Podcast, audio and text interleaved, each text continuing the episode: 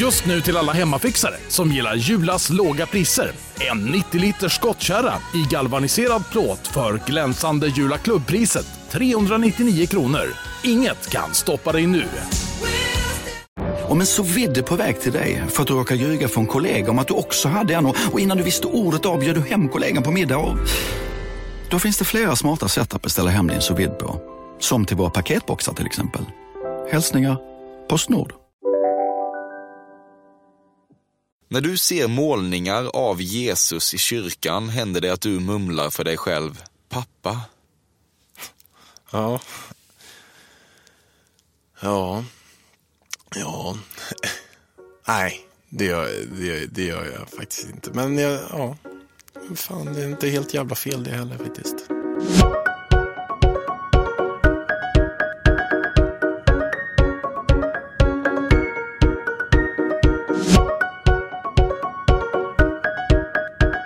Lyssnar på ett nytt avsnitt av Sveriges fördomsfullaste podcast som signeras Café och Emil Persson. Det går till som det alltid går till, det vill säga att jag låter en person som fascinerar mig bemöta alla fördomar jag har om hens personlighet. En intervjupodcast med en twist, helt enkelt. Veckans gäst har också enormt starka intervjupodcast-kopplingar eftersom han driver den mest populära intervjupodden i hela Norden och tror jag. Väl den största podcasten i Sverige rent generellt. Typ så i alla fall.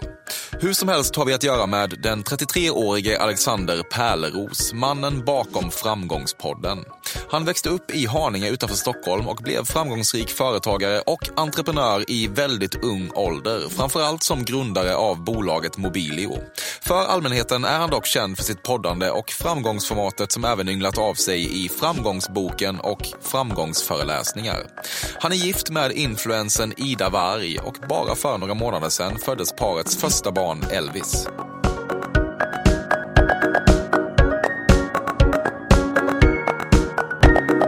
Du har presenterat dig som Mr Pearl Rose i USA.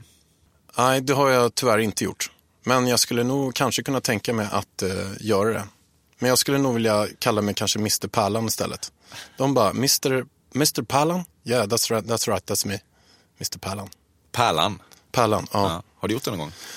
Äh, men jo, men jag kallas Pärlan. Ja. Det var så att min, jag kallas Pärleros, Pärleros, mm. under ganska många år. Och det var väl det jag tyckte var rätt bekvämt genom att jag heter Pärleros då i, i efternamn. Men sen kom min uh, kära fru på att jag ska kallas Pärlan och då gick hon ut med det på YouTube. Och sen dess så hade hon så extremt starka kanaler kort och gott att alla började kalla mig Pärlan.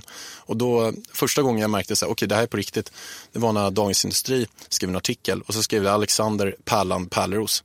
Och då blev det så okej, okay, nu är det verkligen, ja. nu är det satt. Ja. Nu heter jag Pärlan. Dagens Industri, sista steget på Pärlan-stegen. Exakt. Mm.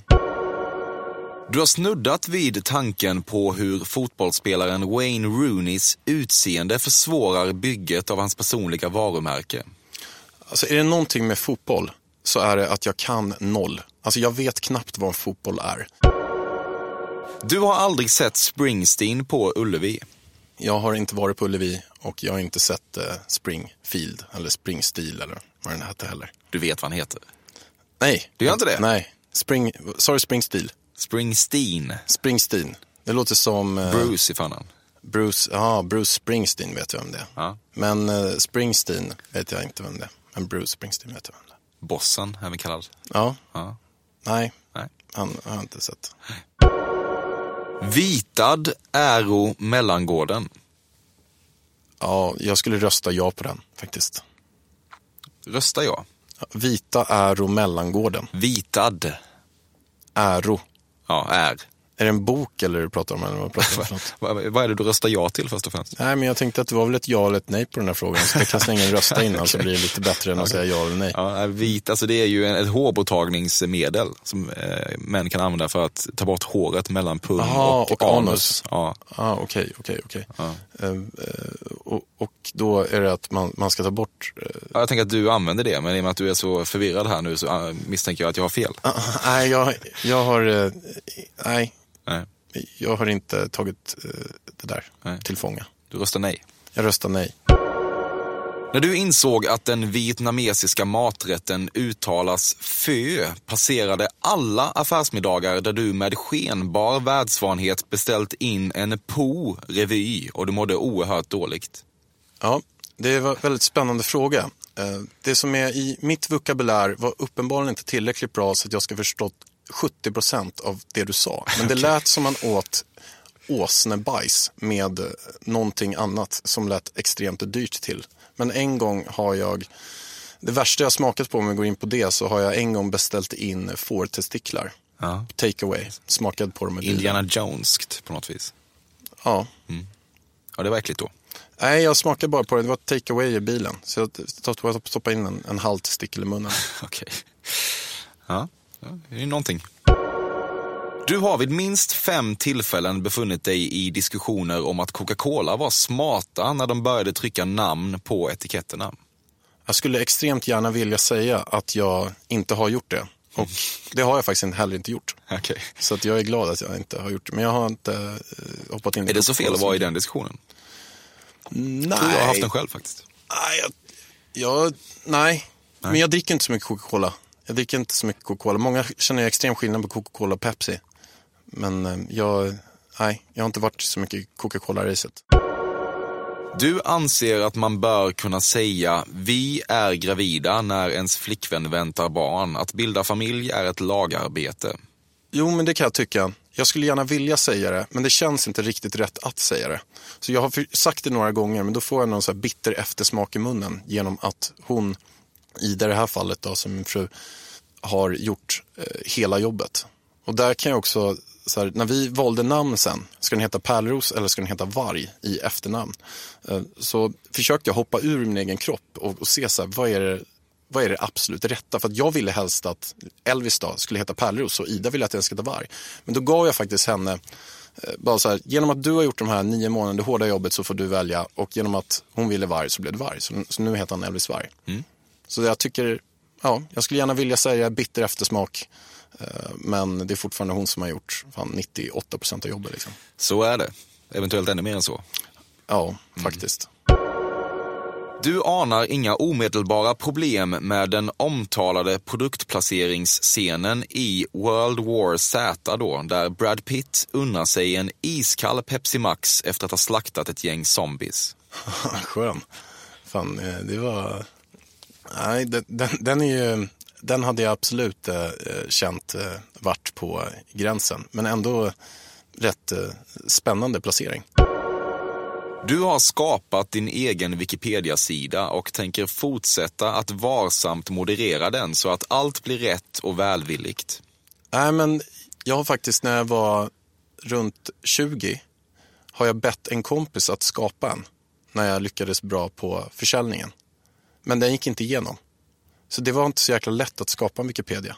Så det, nej. Och nu, fast nu har det faktiskt kommit upp en Wikipedia på Framgångspodden och, eh, och mig då för eh, en, två månader sedan kanske där någonstans. Men du ändå, har du, känner du inget behov av att vara inne och uppdatera lite så att allting blir rätt? Det är ändå många som får sin information om dig därifrån. Ja, jag förstår. Nej, men jag har inte, jag vet faktiskt inte riktigt hur man uppdaterar den. Jag vet inte riktigt om man måste ha konto eller hur man gör. Och sen känns det som att när jag bad om det här för 10-12 år sedan att någon skulle skapa en och skriva.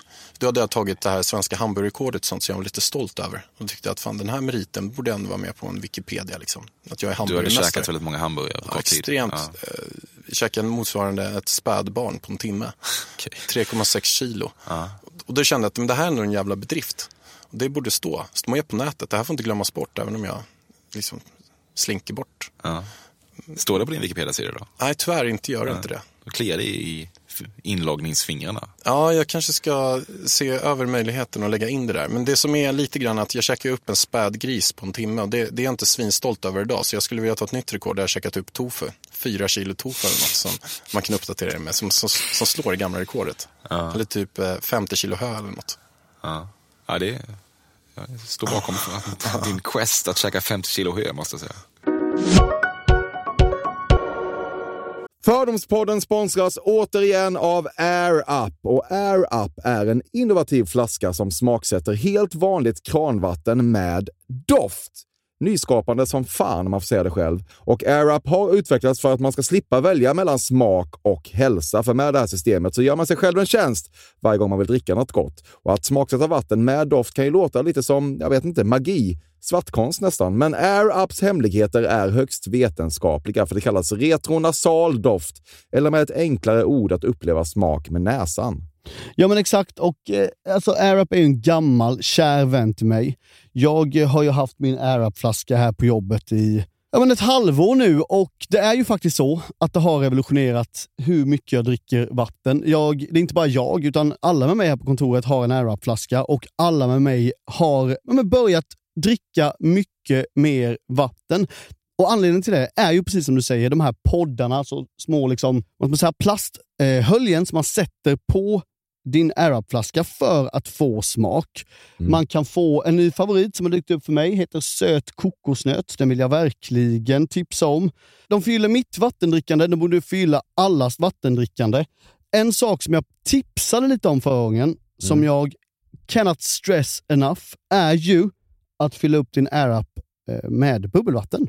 Det mm. blir en eh, helt otrolig upplevelse som jag unnar alla. Det kan också bli en billig upplevelse för det finns en rabattkod som är FÖRDOM helt enkelt. Stora bokstäver där, F-Ö-R-D-O-M, som ger 10% rabatt på ett köp hos AirUp och rabattkoden är giltig till och med den 28 maj och går inte att kombinera med andra erbjudanden. Läs mer på air-up.se.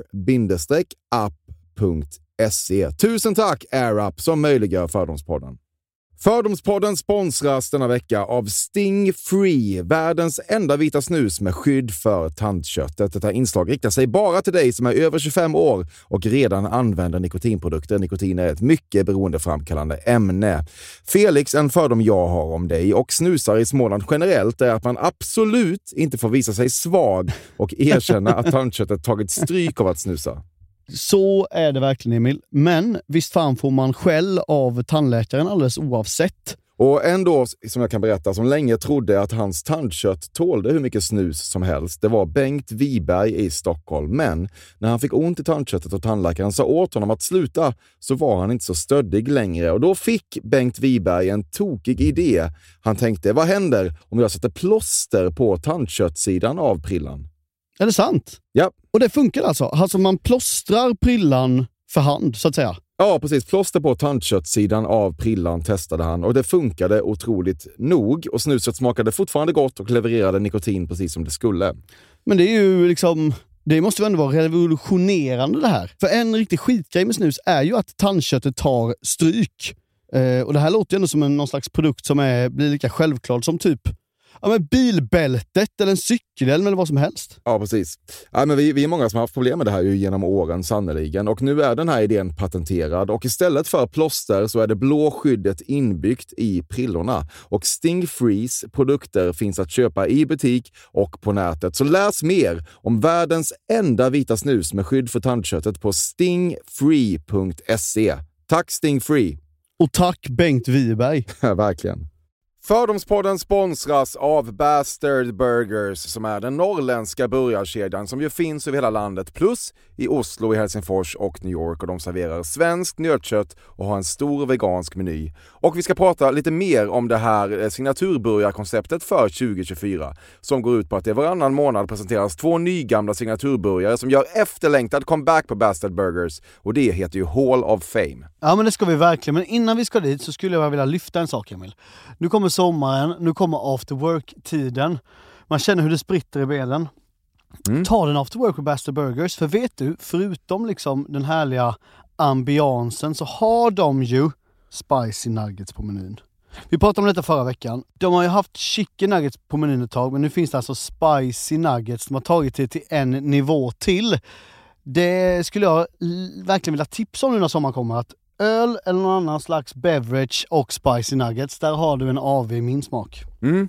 Och också det, just det här att Spicy Nuggets nu kommer finnas permanent på Just menyn. det, Jag tycker det verkligen. finns en otrygghet i, i, i vissa eh, matkedjor när, när vissa grejer bara återkommer då och då. Och man vet aldrig om ens favoriter finns där. Men Spicy Nuggets som är godare än vanliga nuggets, som man är lagd åt ett spicy Mm, hållet, vilket jag är, kommer nu alltid finnas där. Det finns en trygghet i det. Jag vill också slå ett slag för att det nu i maj släpps även en ny signaturburgare.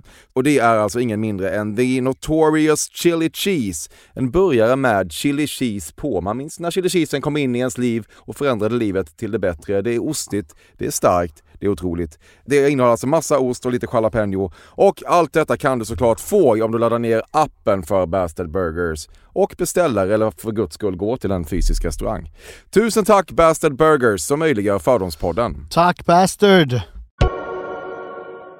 Du har aldrig tänkt, är det här allt? Jo, det eh, känns som att eh, det har jag gjort. Det har jag nog gjort. Emellanåt. Jag försöker jobba ganska mycket med så här, tacksamhet. Och försöka att gilla det jag har idag. Mm, så det viktiga för mig är väl att eh, försöka vara tacksam, tacksam för det man har. Men sen eh, inte ta saker för givet, liksom, skulle man kunna säga. Men jag försöker att leva mitt liv nu att jag känner mig klar i allting. Att jag inte har så mycket mål längre och så mycket prestationer. Att jag mer känner mig klar och sen får allt hända som händer. Och då känns det rätt skönare. Att, för jag är en person också som har haft ganska mycket så här prestationsångest och alltid vill vara bäst på allt jag gör konstant hela tiden. Vare sig det gäller att käka hamburgare eller om det gäller att eh, sälja eller exakt vad det än är. MMA som jag höll på med förut också. Så, mm. mm. Det känns ändå som att du är ganska bra på att välja glädjen på något vis. Lyckas hyfsat. Ja, fast jag kan också vara ganska, jag har ganska hett temperament. Så, jag, det kan eh, sticka också. Det, det finns, jag, jag kan tända till så jäkla, så jäkla snabbt. Jag, jag, framförallt när jag sitter i smårum med, och får massa konstiga frågor framför mig, då kan jag bara flyga på den andra personen som sitter framför mig. Typ du. Okej. Ja. Det hoppas jag att du inte gör. Nej, jag, Försöker, jag måste ju hålla mig då. Du kan respektera Dr. Bombays entreprenörskap. Ja, men en av mina favoritlåtar det är ju Calcutta med Dr. Nej, Calcutta, I am a taxi driver in Calcutta. Sen är det taxi, taxi, taxi in Calcutta. I'm a taxi driver, na na na. Jag sjöng den lite grann, nynnade på den igår faktiskt. Jag har den färskt i huvudet. Ja. Äh, men jag tycker att det var ett, äh, men Jag har inte koll på hur mycket pengar han har gjort och hur han har äh, sytt ihop allt efteråt efter hans legendariska låtar han har tryckt ut. Men jag gillar hans melodier. Ja. Sätter sig på hjärnan. Det är en av dina favoritlåtar alltså? Ja, men det är en låt som jag, ja, säkerligen en som den tillsammans med den här pom pom pom pom, alltså triad Ja, Tänd ljus. är Tänd ljus. Ja. Ja. Den äh, älskar jag också. Och sen äh, Teddybjörnen Fredriksson är också Ja, en. ja. Teddybjörnen Fredriksson. Sen Backstreet Boys, typ alla låtar. Ja. Även en del Spice Girls-låtar gillar jag också. Ja.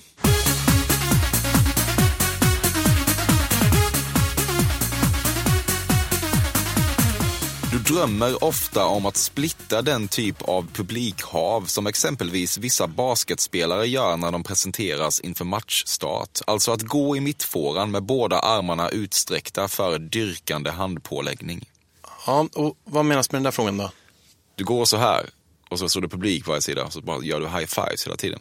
Jaha, okej, okej. Om jag, jag drömmer om att gå Mm. Ja, runt och, och göra det. Ja. Nej, men jag skulle säga så här att en sak som jag har tänkt förut skulle varit jäkligt häftigt. Det är om man hade landat på Arlanda och det väntar någon där som man inte vet vem det är på att få säga hej till den. Och det är väl lite grann åt det hållet. Och sen om det hade varit tusen pers där som man körde, körde high five med, det hade inte varit helt jäkla fel det heller. Då måste man ha gjort något som gör att alla hade satt sig på en Arlanda Express eller en taxi eller åkt buss en timme för att stå där och vänta. Du har också en dröm såklart om att vara ett av de här porträtten som hälsar välkommen till Sverige. Ja, men det, det, hade jag, det hade jag absolut inte tackat nej till. det, det hade du inte. Nej. Du har helt enkelt aldrig knarkat. Även om inkörsporthysterin sannolikt är lite överdriven skulle du aldrig riskera att devalvera din hjärna och därmed ditt affärssinne på det viset. Ja, men jag har testat när jag var 15 att röka hash, tagit bloss när man stod i en ring och någon hade löst någon sån här. Så det har jag testat någon gång. Jag känner inte av så himla mycket. Men jag har inte, jag har inte testat någonting efter. Det var mer att det var en liten så här grupp, grupptrycksgrej. Men eh, nej, jag känner inte, genom att jag inte kände av något av ruset så kan jag inte eh, titulera mig storknarkare i alla fall. Nej. Och jag, har inte, jag kommer absolut inte vare sig knarka eller, jag, jag vet inte riktigt. När man blir äldre kanske, när man är 65 och Ja. vill röka lite marijuana, då kanske man tycker att det livet är, är skönt. Kan du tycka att eh, människor då som låter knark parasitera på sin egen hjärna är lite idiotiska? Men jag kan tycka att eh, Jag skulle inte säga idiotiska, jag skulle säga att eh, det, är, det finns så många orsaker till varför folk fastnar i heroin och kokain och allt möjligt vad det än är. Ehm, jag kan mer tycka att de som eh, röker cigaretter gör riktigt jävla fel. För knark, det känns som att det finns det är oftast inte de människorna som kanske är de absolut starkaste. Det, det är någonting som ligger bakom. Men att man går eh, och köper det här cigarettpaketet några gånger om dagen eller bara står och går ut på en superkall balkong på vintern och står och fryser. Det är bara att man bara drar i sig den här cigarettgrejen. Eh, Nej, men det, det, det, det imponerar inte alls på mig faktiskt. Framförallt när det står på paketet att man dör av det. När du i din föreläsning ska bygga ditt eget klassresecase och visar bilder från din relativt påvra Haninge-uppväxt så måste du erkänna att du faktiskt retuscherat några av de där fotografierna för att ytterligare accent- accentuera känslan av arbetarklassmisär. Jag kan säga så här att när jag pratar om min barndom på mina föreläsningar som jag gör då och då, då är det snarare att jag eh, förminskar det som har skett än förstorar det som har skett. Att jag berättar eh, vissa delar och, och inte går in på andra delar. Okej. Är det inte en bättre historia om du eh, snarare gör tvärtom? Jo, det kan det säkert vara. Men jag tycker väl att, den, eh, att det är tillräckligt mycket det som är. Sen så har inte jag någon jag, jag är inte där för att berätta min... Alltså det jag gillar med det, ändå att jag har haft en lite, så här, lite stökigare uppväxt. Det är att man har fått se båda sidorna. Att man har bott i, i en eh, flyktinghem, till säga, men, men ett eh, familjehem och, och att man eh, har känt sig eh, ensam. och eh, ja, jag, jag har gått på SOS-bidrag ett gäng månader också och tyckte att det var rätt eh, jobbigt att gå dit och hämta ut pengar. Och, och bott i flyktingförläggning. Och det är klart att de bitarna nu eh, kän, känns ju väldigt bra att ha gjort. För att då har man också sett den andra sidan där man är, där, där man är nu och på något sätt kan i alla fall försöka ha fötterna på jorden. Ehm, och det har nog gett mig det här drivet också att jag, på gott och ont, men att jag vill vara, eh, att jag, att jag vill visa andra att jag kan. Det är någonting som har drivit mig. För att det, det är inte riktigt så som det har sett ut. Jag vet att det är många som inte har trott det. Det var bara när jag startade Framgångspodden så var det ganska många som var nära och som jag fick lite dåliga kommentarer på. Vad fan du, vad fan ska du starta det där för framgång? Vem tror att du är liksom? Eh, men jag har trott på det jag gör och fortsätter att och, och det. Sen finns det ju självklart en baksida med eh, allt det här och det har varit att jag har haft svårt att släppa in människor på livet. Vilket gjorde att när jag och min eh, fru Ida då, vart ihop i sju år, köpte vi första lägenhet ihop fast hon ville köpa kanske efter två år. Och vi gifte oss samma år, vi skaffade barn samma år. Så när jag väl liksom släppte in, för jag var så rädd att hon eh, och andra ska ta det som jag har kämpat ihop. För jag vet att det har varit så tufft att kämpa ihop det. Och då har jag varit så rädd att jag ska förlora allt bara. Så då har jag hållit allt mer än jag egentligen behöver. Låt- Stinker äktenskapsförord. Absolut, det har vi. Ja. Äktenskapsförord. Ditt eh, bekräftelsebehov är ganska asexuellt. Det finns så att säga andra typer av bekräftelse som vida trumfar den då mer yoghurtslungeorienterade. Okej, okej, okej. Nu måste jag fan landa det här alltså. Jag skulle ha med mig en ordbok till den här intervjun alltså. Ja, men är, är ditt bekräftelsebehov, alltså du... Eh, sexu, sexu, sexuell bekräftelse är inte Vad- det viktigaste för dig. Andra typer av bekräftelse är viktigare. Bra, du får, ju, du får ju lägga det här på en lite lugnare nivå nu Emil. Du är lite för avancerad eh, vokabulär tycker jag. Ja, jag ska ta ner det. ett men men okej, frågan lyder alltså. Om jag är, ta den igen. Hur lyder frågan? Bekräftelse är viktigt för dig, men inte så mycket sexuell bekräftelse som andra typer av bekräftelse. Okej. Mm. Eh, sexuell bekräftelse? Hur fan skulle, är det att jag skulle gå ut på... eh, Att, att, att kvinnor trånar efter dig ger dig inte lika mycket som men, likes. Eller poddlyssningsstatistik. Nej, nej, absolut. Nej, men så är det ju. Framförallt, jag och Ida har varit ihop i åtta år, så då är det ju lite grann att man skiter i, i den biten. Men när jag var 20, då var det väl tvärtom. Då fanns ju för sig inte heller Instagram och de här grejerna. Eh, Men nej, men självklart, nu är det ju mycket saker runt om. Jag tycker det är svinroligt att gå in på poddindex varje vecka och se hur podden har gått. Jag drivs väldigt mycket av att eh, få upp statistik, fast det egentligen inte spelar så jäkla stor roll. Men allt sånt är ju väldigt kul.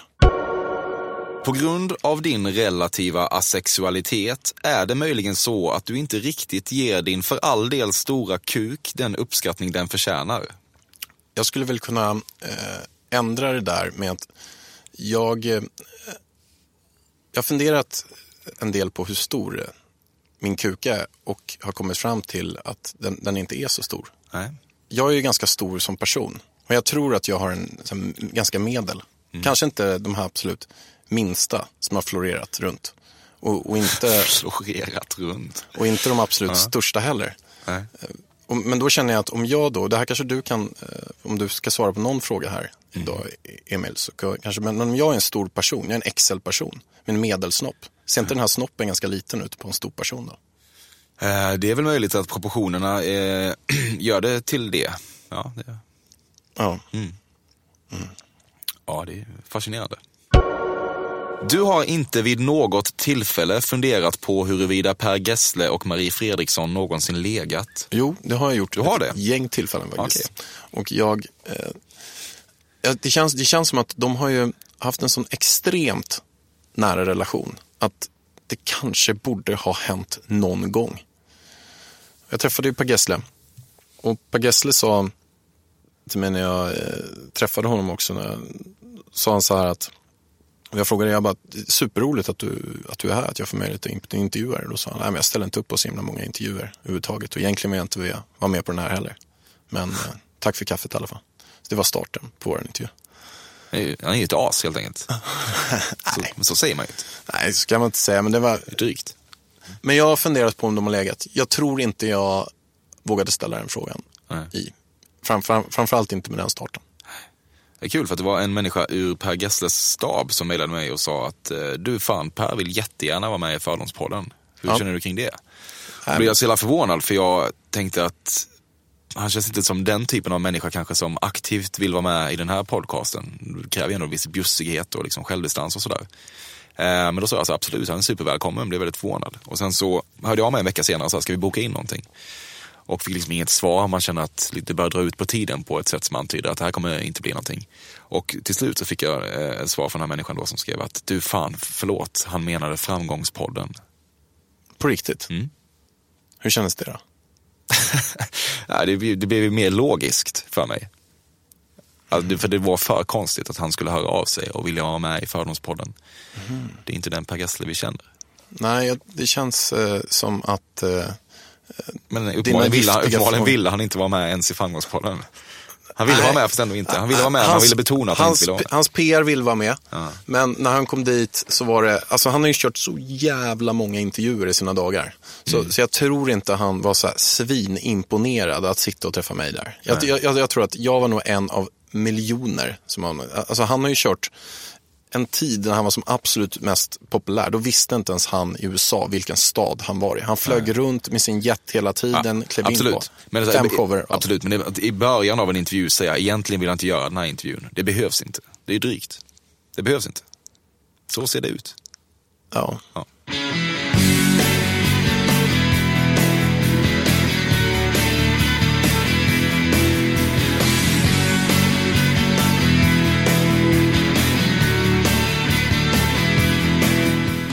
Orden min resa används minst 13 gånger i din föreläsning och faktum är att om man skulle göra ett ordmoln över din vokabulär så skulle det mer eller mindre uteslutande bestå av just orden min resa.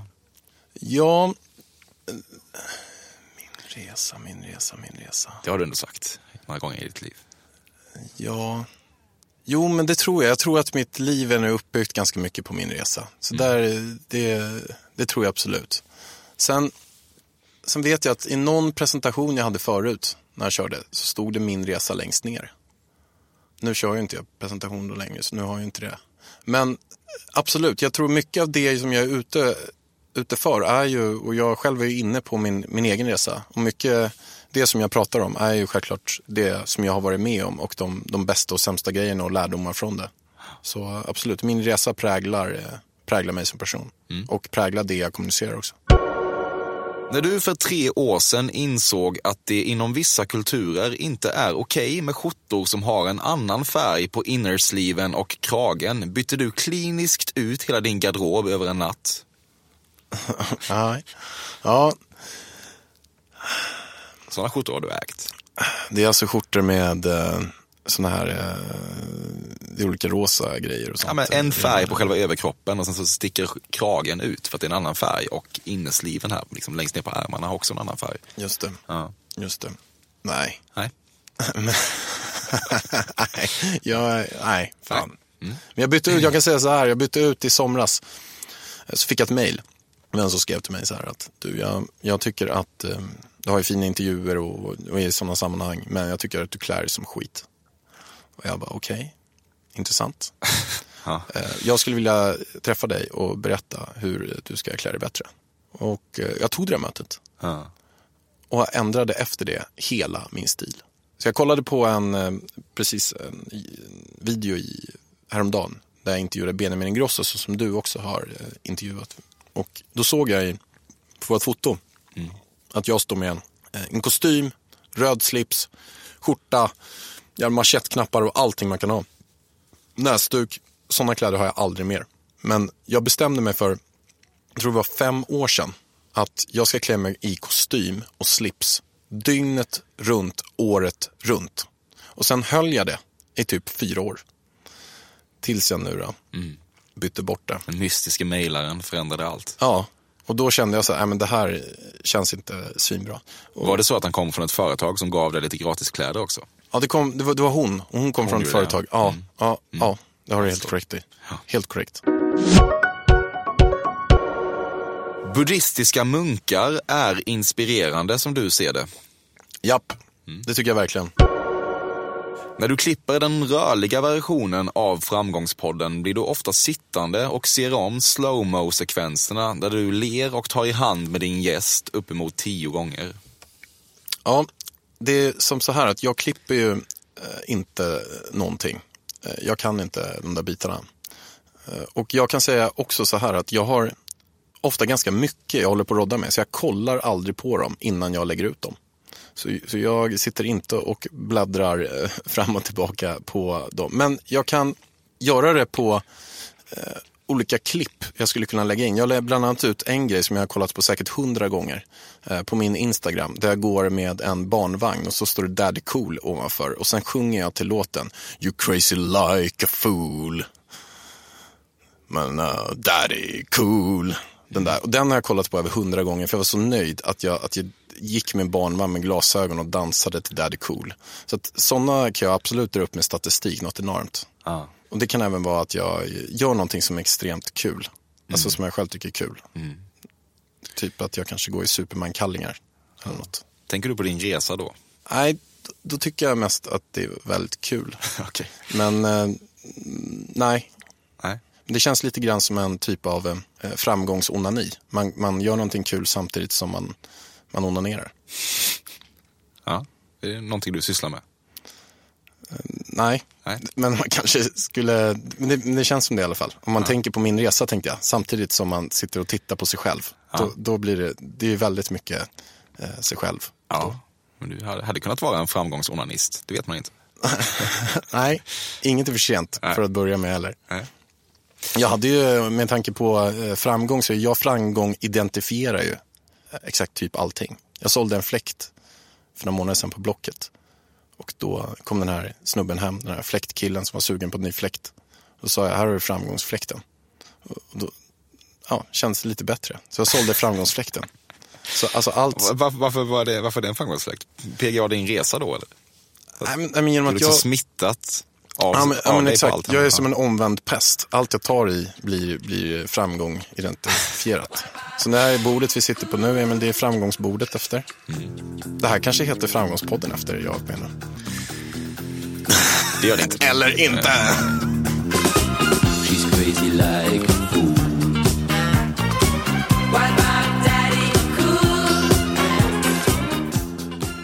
Du älskar att åka ut till Haninge och gå på barndomens gator som citat, en helt vanlig man, slutcitat. Problemet är ju bara att du där ute är en helt vanlig man för majoriteten av befolkningen. Jag skulle vilja säga i att, i att Haninge är jag en levande legend i. Så jag går runt som eh, Fantomen där. Eh, Och det är för att jag har tagit det här. Hej, Synoptik här. Så här års är det extra viktigt att du skyddar dina ögon mot solens skadliga strålar. Därför får du just nu 50% på ett par solglasögon i din styrka när du köper glasögon hos oss på Synoptik. Boka tid och läs mer på synoptik.se. Välkommen! Dåliga vibrationer är att gå utan byxor till jobbet. Bra vibrationer är när du inser att mobilen är i bröstfickan. Få bra vibrationer med Vimla. Mobiloperatören med Sveriges nöjdaste kunder enligt SKI. Det där var för att uppmärksamma er på att McDonalds nu ger fina deals i sin app till alla som slänger sin takeaway förpackning på rätt ställe. Även om skräpet kommer från andra snabbmatsrestauranger som exempelvis Ma... Eller till exempel Burger...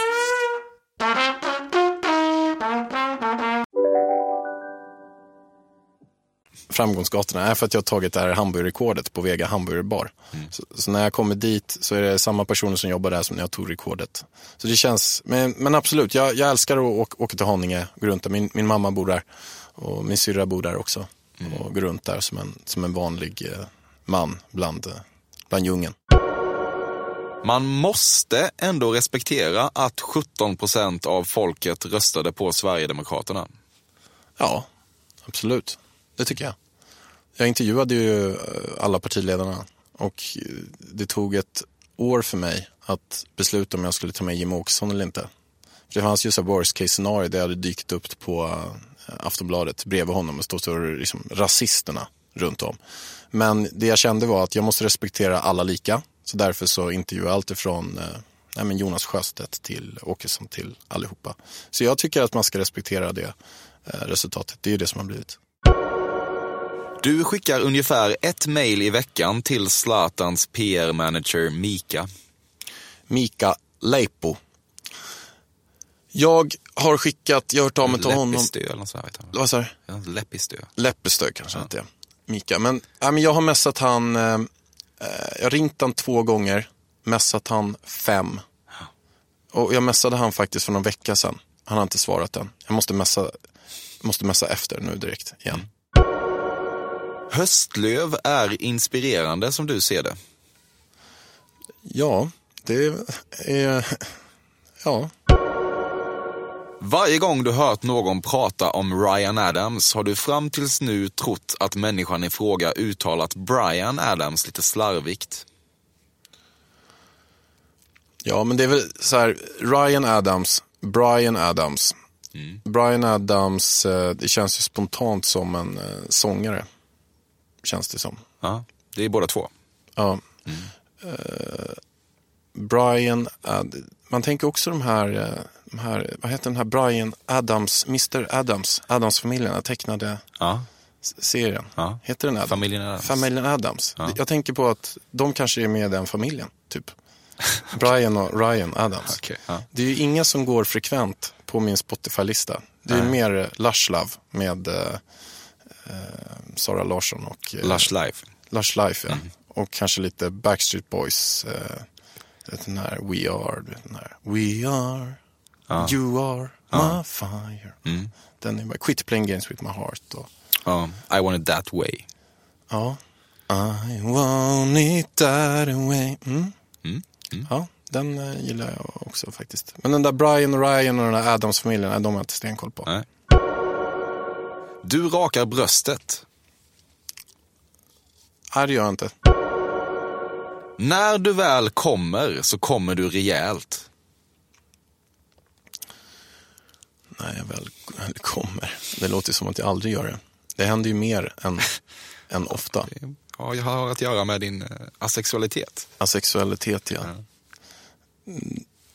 Jag, jag, har, em, jag har för mig att jag, att jag kom mer när jag var yngre. Alltså kom mer i, i mängd. Mm. Alltså i, om man skulle ha något typ av Kvantitet. ja, dec, de, decilitermått och, och, och väga allting. Framför, eller om man skulle lägga allt i en skål. Skulle det bli mer när jag var Mm. y, yngre än, än nu. En framgångsskål. En framgångskomma. Kom, komning. Fan, ja. Ja, vi, ja. vi går vidare. Jag skulle inte fylla ett glas. Nej.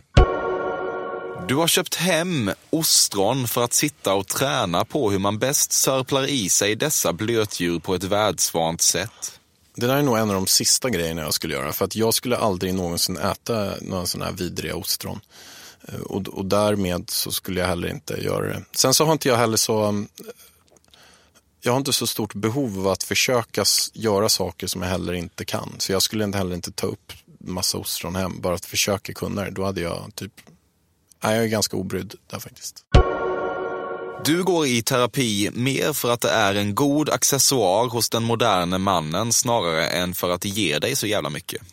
Jag skulle kunna tänka mig att gå i terapi och jag försökte gå i terapi för ett år sedan. Då tänkte jag att det här är någonting som extremt många rekommenderar att man ska göra. Så jag gick en gång. Och sen gick jag inte mer. Och det var väl egentligen, eh, jag vet inte. Eller terapi, gick till någon psykolog liksom. Men jag har inte gått innan och jag har inte gått efter. Du har en ansträngd relation till din pappa. Jag har haft en ansträngd eh, relation. Eller, ja, jo, men alltså, jo, men jag skulle säga så här, ja, det har jag. Han försöker att bli vän med mig och han skriver till mig då och då på Facebook. Han heter Fernando, heter han. Han försvann när jag var två, tre år gammal. Men jag har varit ganska dålig på att svara. Nu vet jag att han har skrivit tre gånger, jag måste svara till honom. Och han är väldigt kärleksfull och snäll och han har egentligen inte gjort mig så himla jag var ju väldigt ung när han, men han har inte gjort mig så himla mycket ont, så jag har inte det. Det är mest bara nog att jag är besviken att det var jag som fick söka upp honom när jag var 24-25 år gammal och inte han som sökte upp mig när han visste att jag var 18 år gammal. Att jag fick åka ner till Australien och han kom från Chile men han, han drog dit och försöka och hitta han, hitta hans farbröder här i Sverige och sen åkte jag dit ner och försökte hitta han där nere och hittade honom där i Melbourne. Eh, Och, jag kan vara lite besviken eh, på det att han inte gjorde något försök, i alla fall när jag var myndig, även om han och min mamma inte hade den bästa relationen. Så ja, jag skulle säga att situationen är inte den som jag hade önskat att jag hade med min pappa. Du gillar Coldplay och din favoritlåt är den där na na na na na na na na. Alltså jag har ju älskat Coldplay, verkligen. Men jag minns faktiskt ingen låt de har just nu, för jag har inte lyssnat på den på länge. Mm, Men jag kan, ja. Ja. Ja. ja. Mm. Alexander Pärleros är inspirerande som du ser det. Absolut. Tveklöst. När du ser målningar av Jesus i kyrkan händer det att du mumlar för dig själv. Pappa. Ja. Ja.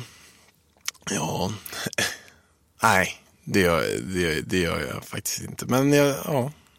Fan, det är inte helt jävla fel det heller faktiskt. Man ser målningar på Jesus, men det är...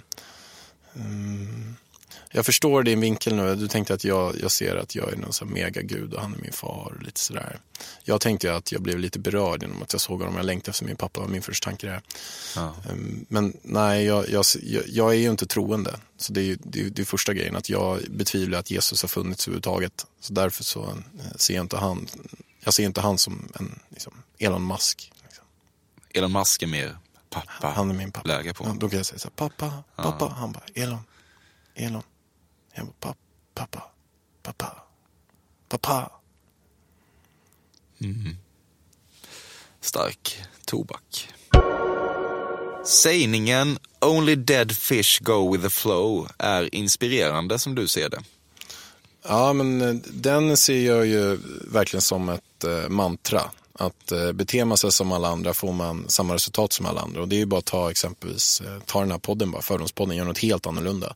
Skulle du göra, som jag vet också att du har pratat om någon gång förut, att göra en, en klassisk intervjupodd, nej men då skulle den antagligen inte exploderat. För då gör man någonting som alla andra har gjort. Då gör något helt annorlunda och då får man också helt andra resultat. Så att, det, det tycker jag verkligen. Har vi tackat Fredrik Reinfeldt tillräckligt? Nej, vi kanske till och med har tackat honom för mycket. Ja, tycker du det? Nej. nej, men, jag tycker väl att han gjorde ett, eh, nej, men jag tycker att han gjorde ett bra jobb. Verkligen, framförallt när man ser vad som har hänt efter. Det tycker jag. Mm. Absolut. Du känns ju eh, moderat.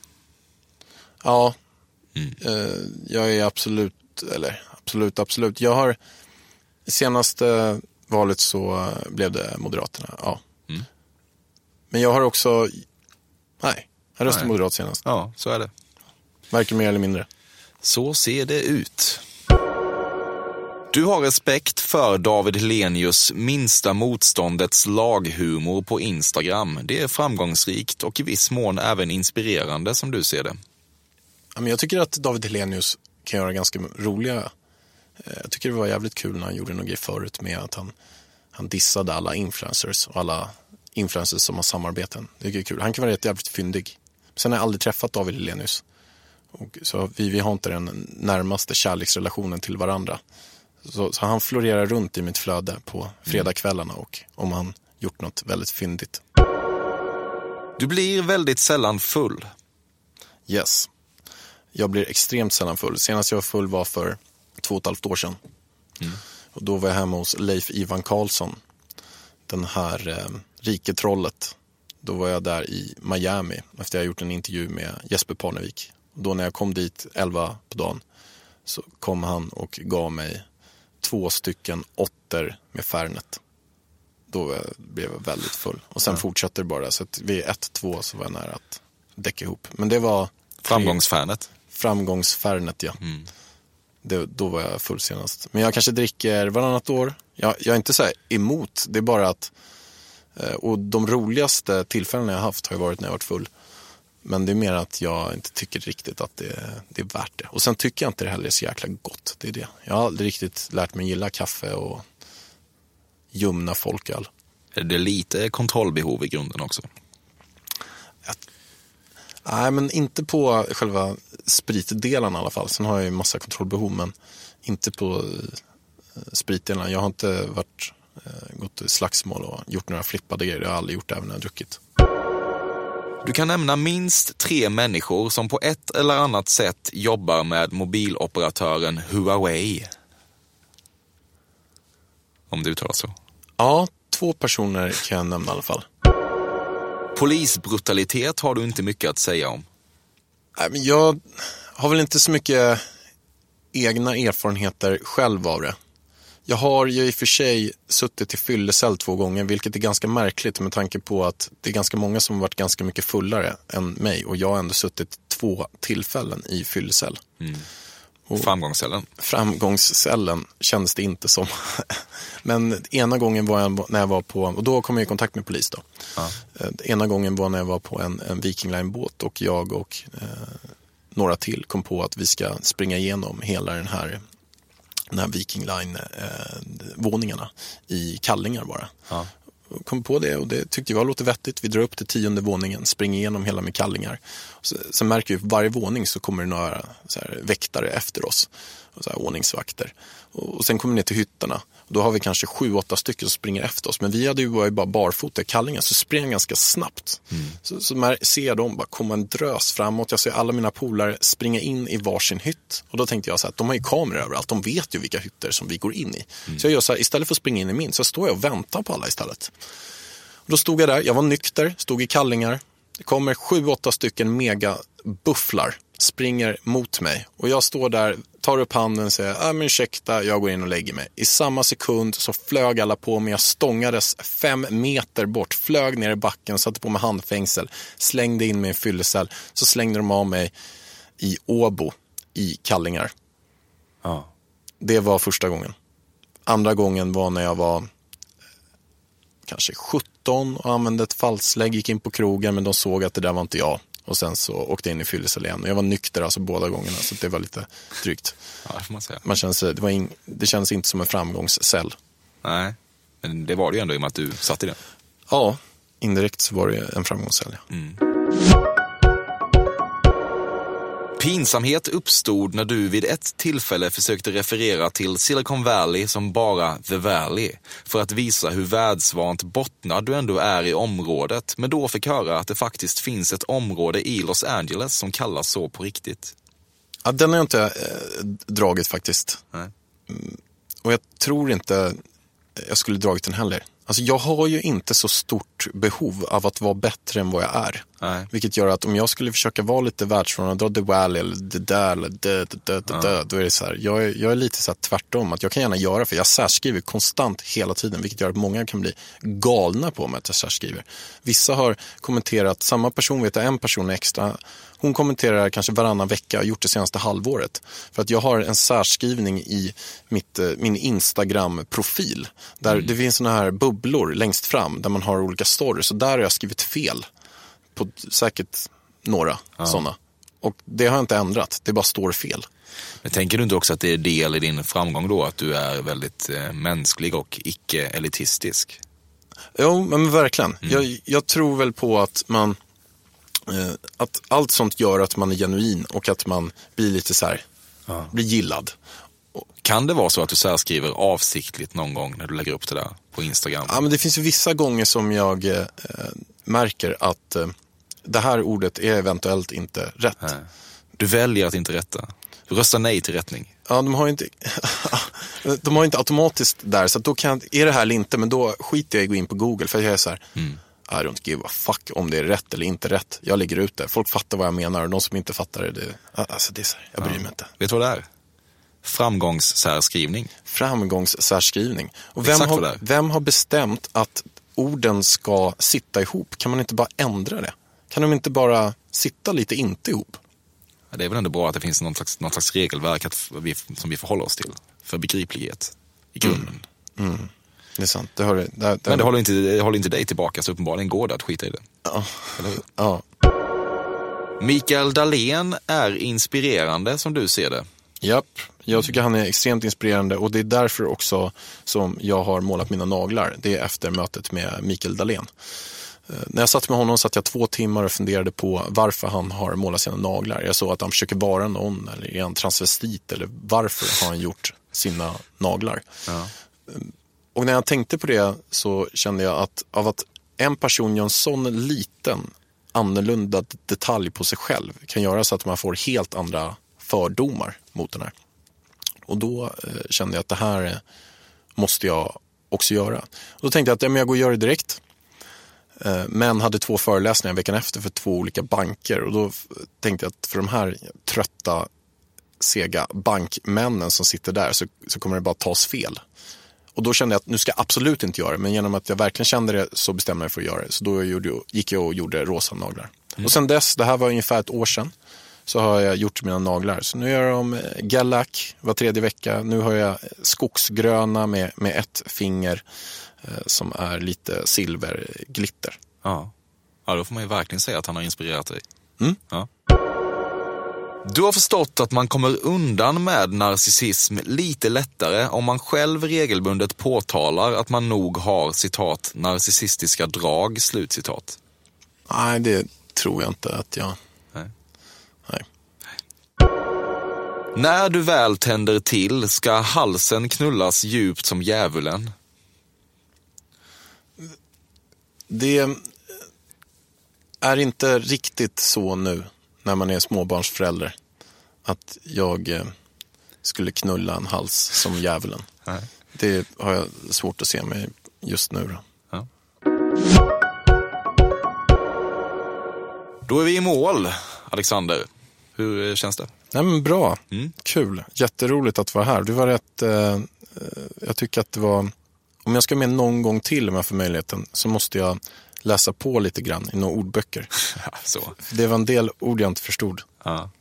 Men jag tycker det var svinkul att vara med. Jag gillar den här podden och jag tycker att det är kul att man eh, kan eh, gå in på personer och få ut något helt annorlunda än vad de har svarat på i alla andra tusen intervjuer. Och då är det också ett annorlunda spännande format. Och Mm. Jag tycker att det är intressant. Hur pass rätt ute var jag i min analys av dig som människa och eh, framgångsfaktor?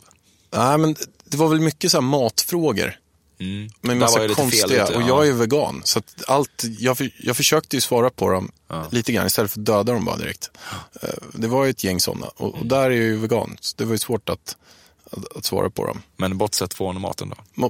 Bortsett från maten. Nej, men jag tycker det var bra. Jag tycker det var, det var intressant. Det var ju mycket kopplat till eh, min egen självbild. Och hur jag ser på mig själv och hur jag ser på framgång och, och alla de här bitarna. Så jag, nej, men jag tycker det var bra. Fan vad kul att du eh, kom. Det känns, det känns mäktigt på något vis. Det blir lite, lite poddrunk det här. Men jag ja, men intervjupoddar, intervju, in, intervjuar en annan intervjupoddare. Nej, men jag jag har är hört- fascinerad av dig så jag ville ändå att du skulle komma hit. Nej, men jag har hört ordet poddrunk innan. Ja.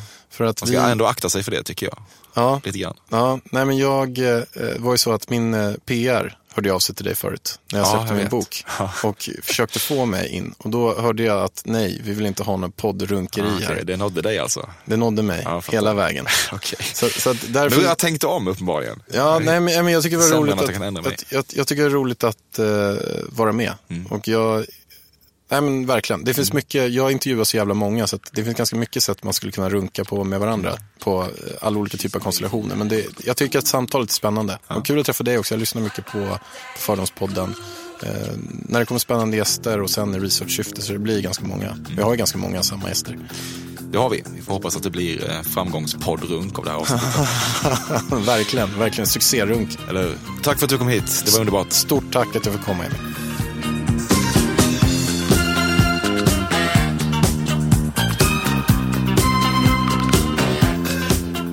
Detta har varit Framgångsfördomspodden med Alexander Pärleros. Jag är tillbaka om en vecka igen, rimligtvis med en helt annan gäst. Och under tiden kan du kontakta mig på emil.perssonatcafe.se eller i sociala medier eller vad fan man nu föredrar.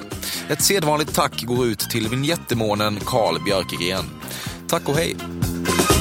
She's crazy like a fool.